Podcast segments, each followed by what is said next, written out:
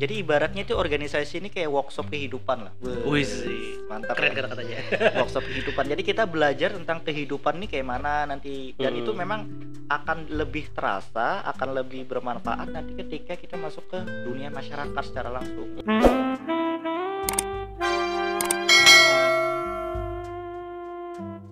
Kalau ngelihat potensi anak eh, muda Balikpapan, Iya, dari kacamata Kak Gusti ini seperti ya apa? memang sudah bekerja mata ya. Untuk anak muda Balikpapan, Potensinya gimana? Anak muda ini kalau diajakin ngumpul, eh kalau diajakin masuk ke dalam sebuah organisasi atau pergerakan tuh masih bisa nggak sih anak muda Balikpapan zaman sekarang? sangat bisa sih. Hmm. Cuma memang sayangnya di anak muda, bu, ini saya nggak ngomongnya untuk anak muda Balikpapan aja sih, tapi lebih Semua. kepada global ya. Oke. Yaitu an- kalau anak-anak muda itu dia mereka lebih suka hal-hal yang fun, hedon kayak gitu gitulah. Bujur, eh bujur.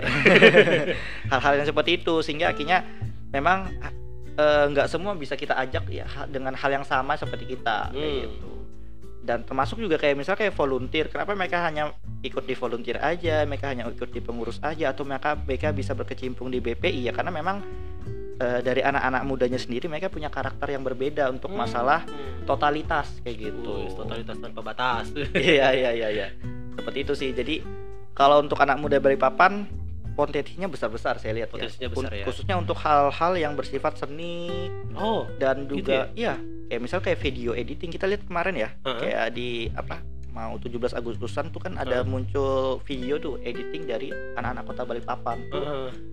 dari secara apa ya eh, editingnya terus juga hal-hal yang lainnya itu luar biasa sudah bagus banget itu sama dengan yang ada di teman-teman kita yang ada di Jawa dan lain sebagainya kayak gitu terus untuk masalah kayak apa eh apa ya bahasa Indonesia lupa jadi eh kalau misalnya suruh ngomong ini apa segala Oh. macam itu wawasan, ya. Wawasan, wawasannya wawasan. anak muda Balikpapan juga luar biasa bagus-bagus juga Berarti anak muda Balikpapan ini eh apa ya bahasanya?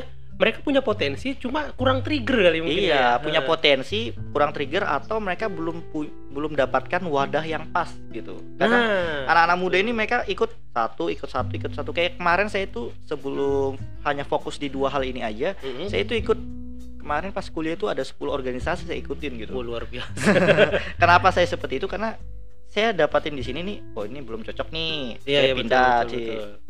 oh ini aduh ini cocok sih tapi kayaknya sama anggotanya agak kurang gimana gitu Iya, Akhirnya iya, pindah-pindah akhirnya pindah-pindah kayak gitu untuk mencari suasana dan sesuai dengan sesuai dengan passion ya saya jatuhnya. gitu kayak Hmm. gitu sih Tuh buat teman-teman yang yang masih muda, masih punya krea- kalian tuh pasti punya kreativitas yang apa ya, yang yang banyak. Cuma kalian memang kurang trigger. Dekat-dekatilah orang-orang yang seperti Kak Gusti ini. iya iya iya yang iya. orang-orang yang punya banyak channel, orang-orang yang ya setidaknya berpengaruh lah terhadap Iya. masyarakat seperti itu. Kalian punya potensi tapi tidak kalian kembangkan, ya sama aja kayak kura-kura tengkurap di dalam tempurungnya. iya di sisi kita aja sebenarnya iya, nggak ada yang tahu gitu kan. Nah, gitu dan kemudian apa ya kenapa sih saya ikut banyak organisasi atau misalnya saya fokus di organisasi itu ya karena memang dampaknya itu akan terasa setelah kita lulus sekolah atau lulus kuliah dan hmm. masuk ke dalam dunia masyarakat yang sesungguhnya kayak Oke, gitu. betul betul. Kayak sekarang kan saya sudah lulus kuliah, terus sekarang sudah mulai bekerja segala macam kan. Nah, dari pekerjaan pun tuh sudah sangat berdampak karena saya kemarin organisasi itu. Kayak masalah kemudahan saya untuk bisa bekerja kayak gitu. Oke. Ya, ibaratnya saya mungkin bisa dapat channel-channel ke sini untuk kerja di sini, kerja di sini tuh kayak karena organisasi kayak gitu. Oke. Gue sini ada betul, or- betul. kerjaan nih di sini nih nih gitu. Atau misalnya kita mau freelance aja atau mau usaha nih. Kalau misalnya kita orang organisasi itu jauh lebih mudah daripada kita bukan anak organisasi. channelnya lebih banyak ya. Jadi Iya. kalau mau promosiin sesuatu yang kita punya lebih gampang ya. Bener, pasarnya itu kita sudah membentuk dari yang kemarin gitu kan. Oke betul. Secara betul, tidak betul. langsung kan Mm-mm, pastinya kayak betul. gitu sih. Nah buat teman-teman yang baru lulus sekolah, yang lulus kuliah, yang bingung nih ya, masih masih gabut di rumah, dimarahin mamanya terus gitu kan, kamu pernah kerja kerja gitu. Iya, iya. Cobalah ikut berorganisasi karena organisasi itu bukan membuang waktu kalian sebenarnya, tapi membuat kalian lebih bermanfaat Benar. seperti itu. Apalagi kan sekarang perusahaan-perusahaan atau HRD HRD mereka sudah mulai cantumin tuh Betul betul. pengalaman aktif berorganisasi. Iya ya kan? iya iya. Sedangkan nanti kalau mau kita mau cantumin itu apa nih organisasi yang kita Masa cantumin biasanya ya? cuma donor darah, donor darah. Iya kan. Itu tiap tiga bulan sekali sih juga bisa gitu kan. Semua orang juga bisa iya, kan. saya kalau misalnya kita ikut organisasi yang di bidang pendidikan, Heeh. bidang kesehatan, lingkungan, itu kan akan ada lebih nilai tambahnya. seperti bener itu, bener ya. ada nilai tambahnya apalagi misalnya kita eh, misalnya kita perawat nih terus kita aktif Mm. di organisasi yang bidang kesehatan itu kan Mm, jadi nilai tambah kan Betul Misal- betul betul. wah ini dia bukan hanya bisa jadi perawat aja misalnya nih ya Mm. mereka Pak Amar jadi perawat tapi Mm. kemudian dari HRD-nya ngelihat oh ini bukan hanya jadi perawat aja nih mungkin dia bisa masuk ke masalah manajemen Oh gitu. iya betul. karena anak-anak organisasi itu dia belajar manajemen di dalam organisasi mereka Oke kayak gitu betul betul. dan banyak kemarin itu ada beberapa teman-teman saya yang nanya juga nih kak saya mau ikut organisasi tapi ak- takut akademiknya itu turun gitu kan Ih banyak tuh yang kayak gitu tuh. Iya kan? Biasanya anak, anak kuliahan tuh. iya anak-anak kuliah atau mungkin anak-anak sekolah kan mau Biasanya juga dari keluarga bilang, ah udah kamu kuliah aja, nggak Iya, usah ikut-ikut organisasi. betul. Itu menurut pandangan Kak Gusti gimana itu? Wah ini menarik gitu ya. jadi Karena aku dulu sempat kayak gitu juga. iya iya iya Iya. Jadi sebenarnya kalau kita benar-benar organisasinya dan betul-betul kita implementasikan seluruh ilmu yang kita dapat di organisasi, harusnya akademik kita juga semakin baik kayak gitu. Oke. harusnya betul. Itu selaras gitu loh ya. Mm-mm. Gak ma- bukannya organisasi di atas terus kemudian di akademiknya di bawah, di bawah kayak gitu ya. Harus harus Harusnya sih, itu ya. Iya, kalau memang betul-betul dia organisasi secara baik dan dia mengimplementasikan ilmu-ilmunya. Oke. Karena kan di organisasi kita belajar masalah manajemen waktu, Oh iya betul. ya kan? Masalah susah prioritas. Buat anak muda manajemen waktu dan manajemen kantong itu yang susah. ya kalau kantong itu nanti akan selaras dengan prestasi yang akan kita dapatkan sih pasti. Oke. Yakin aja deh. Jadi ada manajemen waktu, manajemen waktu sama ada namanya prioritas, Mm-mm. ya kan? Apa nih prioritas-prioritasnya? Misalnya kemarin saya pas di BYS tuh sempat saya pas di apa semester-semester akhir waktu itu mau buat-buat skripsi kayak kan. Hmm. Nah, prioritas saya ketika waktu itu apa itu? Misalnya, wah ini mau sidang nih, nggak mungkin prioritas pertama saya itu adalah BYS. Pasti prioritas BYS itu akan yang mungkin ya kesekian kesekian. Karena prioritas saya waktu itu pasti akan menyelesaikan bagaimana caranya saya bisa menyelesaikan akademik saya kayak gitu. Hmm, betul betul. Jadi pinter-pinter kitanya aja sih. Dan banyak teman-teman organisasi yang saya kenal, mereka itu ikut organisasi, mereka presiden mahasiswa, ya kan, mereka ketua organisasi A, B, C dan segala macam. Mereka itu IPK-nya pasti di atas tiga semua. Karena Gitu. memang mungkin juga ya dilihat itu dari nilai tambah ya mungkin buat Iya, ya para benar. para pembimbing, para dosen itu Hmm. juga menjadi nilai tambah. Nilai tambah. Setidaknya ya adalah keselip-selip nilai. iya, ibaratnya misalnya kamu mungkin kemarin nilainya mungkin awalnya mau C nih kan, Nah. tapi wah ini anak aktif banget di Iya, kelas, betul. sering Nah. nanya, biarpun kadang pertanyaannya juga Nyeleneh gitu. jalannya atau bahkan biasa-biasa aja atau Iya, iya. ngetes juga kan tapi Hmm. karena dia aktif terus rajin akhirnya sudahlah B atau oh ya udah kasih A kayak gitu Iya, kan betul. itu bisa woi. jadi nilai tambah sih Karena gitu anak zaman sekarang itu ya itu sih tadi Kak salah satunya kan dimanjakan dengan teknologi. bener Karena manja dengan teknologi itu mereka merasa bisa melakukan semuanya sendiri gitu Iya. kan. Nah, padahal kita ini hidup tidak soliter ya. Kita Iya. ini hidup sosial. ah itu dia kita ini hidup berdampingan dengan banyak orang gitu iya kan. betul. bukan hanya sendiri mungkin sendiri untuk beberapa hal saja tapi Ah. untuk hal-hal yang lain kita pasti butuh orang gitu Mm-mm. kita lahir aja itu kan sudah repotin orang kan Betul, lahir aja ngerepotin orang, mati juga ngerepotin Iya. orang ya. Kalau bisa sendiri ya silakan jalankan sendiri kan lahir-lahir sendiri nanti pas sudah meninggal ya kubur-kubur Kubur-kubur sendiri. sendiri gitu ya, Tapi kan lagi serem gitu kan. Iya, betul, betul, betul. Waduh, memang ini jadi teman-teman ya di masa pandemi kayak gini kita harus memang cari eh, beberapa kegiatan biar kita tidak dekem aja di rumah. Iya, Badan juga capek kalau dekem di rumah. Betul, Setidaknya betul. kalau kita punya kegiatan ya eh, kegiatannya memang nggak diporsir, cuma maksudnya kayak ya sesekali seperti Betul, itu betul. keluar rumah ketemu teman hangout Hang- hangoutnya bukan hangout yang eh, gimana ya Iya, maksudnya gimana, gimana? hangout yang bermanfaat seperti Betul, betul, itu. betul. Yang bermanfaat itu ya kayak ikut organisasi Mm-mm. ikut ikut kegiatan-kegiatan positif mungkin ada seminar-seminar gitu tapi kalau dari BS sendiri sering ngadain seminar-seminar gitu kan sekarang kita lagi lagi dalam seminar, seminar online tapi kan. oh ya sekarang Iya. semuanya seminar-seminarnya online Iya, Guys. karena ya belum bisa apa kegiatan di apa masyarakat secara Betul, langsung betul. sih kayak gitu. Oke kak, pertanyaan yang cukup sering dilontarkan ketika orang eh, memandang sebuah volunteer kepada organisasi. Iya. Kak, kita kalau masuk organisasi ini dapatnya apa? Berat ini kan, kasih uang kita nggak punya juga ya kan kita nyari Itulah, uang juga ya kan. itulah. Terkadang kan orang-orang yang eh ikut organisasi ya, eh dapatnya apa? Ada uangnya nggak? Nah, Iya, gitu kan. iya, iya. Biasanya gitu. Coba kalau di di apa namanya dijelaskan eh, organisasi itu nggak melulu soal benefit, tapi ada sesuatunya. Iya. ya seperti ya tadi sebenarnya sudah saya tadi ulas sedikit sih sebenarnya Hmm. jadi di organisasi itu kita bu jadi ibaratnya itu organisasi ini kayak workshop kehidupan lah Wih mantap Keren ya. kata-katanya.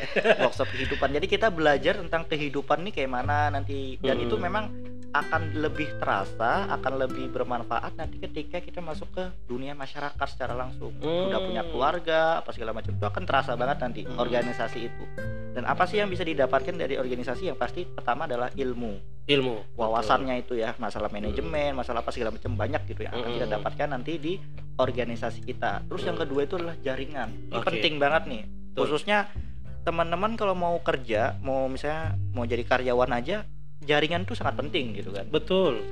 kalau kita apa ya bahasanya hanya mengandalkan masalah kemampuan-kemampuan skill kita aja itu banyak Hard skill itu Iya, banyak, tapi banyak banget soft skill ini soft skill ini ya kan ya. yang jadi pembeda kita kan Mm-mm. ibaratnya ini sekarang sekarang banyak banget nih ya kopi shop kopi shop di Balikpapan nih kan Mm. nah mereka semua jual apa jual kopi, Jual ya kopi kan? pasti. semua jual kopi terus kita apa alasan kita untuk bisa mau ke sana gitu kan Iya, kalau iya. cuma jual kopi aja di rumah saya juga Bikin ada sendiri bisa, ya kan? ada merek it gitu kan Iya. kita bisa buat sendiri gitu kan Iya, apalagi kayak tadi ya dengan kecanggihan teknologi kita bisa mengakses semua hal itu gitu kan Hmm. jadi apa yang bisa menarik kita untuk bisa ke coffee shop itu? Nah sama kayak kita, apa yang menjadi pembeda kita supaya kita bisa menarik orang lain supaya oh ini orang ini Oh iya betul. bisa jadi ini ini ini segala macam. Oke, Dan nanti misalnya di pekerjaan, misalnya di pekerjaan Mhm. aja nih, kita akan jadi orang yang menonjol gitu pasti. Hmm. Jadi orang yang menonjol dan kita akan jadi orang yang pasti biasa itu rapi secara administrasi, terus Hmm. bisa memanajemen orang segala macam kayak gitu. Dan percepatan orang-orang yang belajar organisasi itu lebih cepat dia untuk masalah promosi, promosi jabatan. Oke Kayak betul gitu. betul. Karena mereka sudah belajar duluan kan di organisasi. Istilahnya dia sudah ada eh, apa namanya ya? Sudah apa ya bahasanya ya. tuh? Ya di prepare Nah, seperti itu. Terus kalau untuk mang- mau apa namanya usaha, ya pasti ya jaringan tuh sangat penting. Artinya mereka sudah membentuk market mereka. Hmm. gitu karena yang namanya buka usaha orang yang pertama yang akan datang itu adalah teman-teman kita Teman-teman betul betul. Iya nggak sih? betul, iya. jadi misalnya kita mau buat usaha nih orang yang akan membeli produk kita orang yang akan eh, apa bekerja sama dengan kita adalah orang-orang terdekat kita dulu baru kita kalau sudah mulai naik mulai naik baru nanti ke orang-orang lain yang ada di sekitar kayak gitu Oke betul. nah betul. dari sanalah organisasi akan bermanfaat sama kita Wih, keren. Gitu Berat juga perbincangan kita Iya, iya, iya. pada hari ini. Tapi eh, waktu juga yang memisahkan kita kak. siap. Eh, aku minta eh, closing statement dong dari kakak Wih, untuk teman-teman yang masih apa yang nonton kita, yang dengar kita, closing Hmm. statement yang membangun lah buat mereka. Oke, siap. Hmm. Jadi kita sebentar lagi akan kita mungkin akan sering dengar kak ya masalah 2045 masalah Indonesia bonus Mas. demografi. Oh, bonus demografi. Bonus demografi. Nah, Hmm. bonus demografi ini apa ya, ibaratnya hanya ada orang-orang pilihan tadi yang akan betul-betul akan sukses. Nah, Oke. bagaimana kita bisa sukses nanti di 2045 atau mungkin nanti di satu atau dua tahun yang akan datang? Itu yang pertama adalah kita ada empat cara. Hmm. Jadi yang pertama adalah kontribusi atau gerakan. Hmm. Yang kedua adalah totalitas. Hmm. Yang ketiga adalah konsisten. Hmm. Dan yang keempat adalah pengorbanan. Oke. Gitu. Jadi ketika kita mau sukses, maka kita harus membuat sebuah gerakan dulu. Kita harus membuat sebuah hal yang bermanfaat dulu, ya kan? Sebaik-baik orang yang ber, orang yang apa ya? Sebaik-baik manusia adalah orang-orang yang bermanfaat kan. Betul, betul. Kan tuh ada hadisnya tuh kan. iya, iya, Iya. betul. Jadi kita harus bermanfaat dulu dan berkontribusi dulu. Lalu kemudian setelah berkontribusi nggak cukup aja, kita harus totalitas. Oke. Harus benar-benar kita maksimalkan setiap kontribusi yang kita lakukan, entah Hmm. itu kepada keluarga atau entah itu kepada masyarakat atau hal yang lain. Lalu kemudian setelah kita berkontribusi, lalu kemudian kita sudah all out maksimal, Hmm. maka kita juga harus konsisten. Percuma kalau kita hanya maksimal hanya di satu bulan saja atau Hmm. hanya di dua bulan sekali aja itu juga nggak maksimal kan. Kita harus konsisten. Dan yang ketiga, yang keempat atau yang terakhir itu adalah masalah pengorbanan. Pengorbanan. Wih. Cinta butuh pengorbanan. Iya, cintanya butuh pengorbanan kan, apalagi untuk masalah kesuksesan kita juga butuh pengorbanan, Iya, baik iya. jiwa, raga, waktu apalagi kan Heeh. kalau di organisasi. Heeh. Bahkan kalau misal sudah tingkatan paling tinggi itu kita akan mengorbankan yang namanya keuangan kita juga Iya finansial. kita betul juga. betul. Tapi ya jangan takut, ketika kita sudah konsisten pada empat hal ini, insya Allah Hmm. kita akan menjadi orang-orang yang terdepan lah gitu. Oke. Kita akan jadi orang yang pembeda tadi gitu kan. Jadi ibaratnya ada 100 sarjana nih, Heeh. ya kan? Ada 100 sarjana dan ada satu orang aja yang mereka mengikuti empat hal yang tadi dan mereka berorganisasi. Maka satu orang ini akan menjadi pembeda dan itu yang akan dilihat kayak gitu. Oke, wah keren keren keren, wah keren. Oke Kak Gusti, terima kasih ya Siap, sudah siap. berbagi kisah ini. Iya, kisah kasih. Berbagi kita kisah kasih. Oke, buat teman-teman, buat kalian yang eh, pengen berkontribusi kepada masyarakat ya salah Iya, satunya adalah ikut organisasi Betul. organisasi kepemudaan apa pun ar- organi- apa pun organisasinya apa pun organisasinya harus itu. BYS sih sebenarnya. Iya, apa pun organisasinya itu yang sesuai minat dan bakat kalian dan itu bisa mengembangkan bakat kalian. Di situ kalian berkarya, di situ mungkin juga kalian akan mendapatkan jodoh kalian. Iya, bisa juga ya. Bisa jadi loh. Karena beberapa volunteer di BYS mereka juga ada yang berjodoh di BYS sendiri. Nah, Ya ya kan? Jadi Katanya- apa-apa tuh bisa didapatkan. Eh, katanya orang itu jodohmu ada di lingkunganmu. Iya, iya, iya. Salah tahu lingkungan. Tapi saya belum dapat juga di Oh, sabar. Mungkin nanti kali ya. iya, betul betul betul. Akan datang di waktu yang tepat pasti. Amin. Amin. Oke. Oke, terima kasih Kak Gusti. Siap. Ya, terima kasih teman-teman yang sudah eh, pantengin kita di sini. Eh, untuk video-video yang sebelumnya yang tentang masa-masa anak muda atau segala macam ada di video-video sebelumnya. Untuk video hari ini mungkin kita stop sampai di sini Kak ya. Siap. Kalau kalian punya kritik dan saran, tulis aja di kolom komentar. Kalau kalian suka video ini, klik aja tombol like-nya. Kalau kalian udah suka, terserah ada tombol dislike di situ. kita nggak maksa, yang penting kita akan selalu memberikan eh, informasi-informasi yang positif kepada teman-teman semua agar semua bisa berkembang lebih baik. Siap. Oke, terima kasih Kak Gusti, terima Siap. kasih semuanya. Bye bye. Assalamualaikum warahmatullahi wabarakatuh.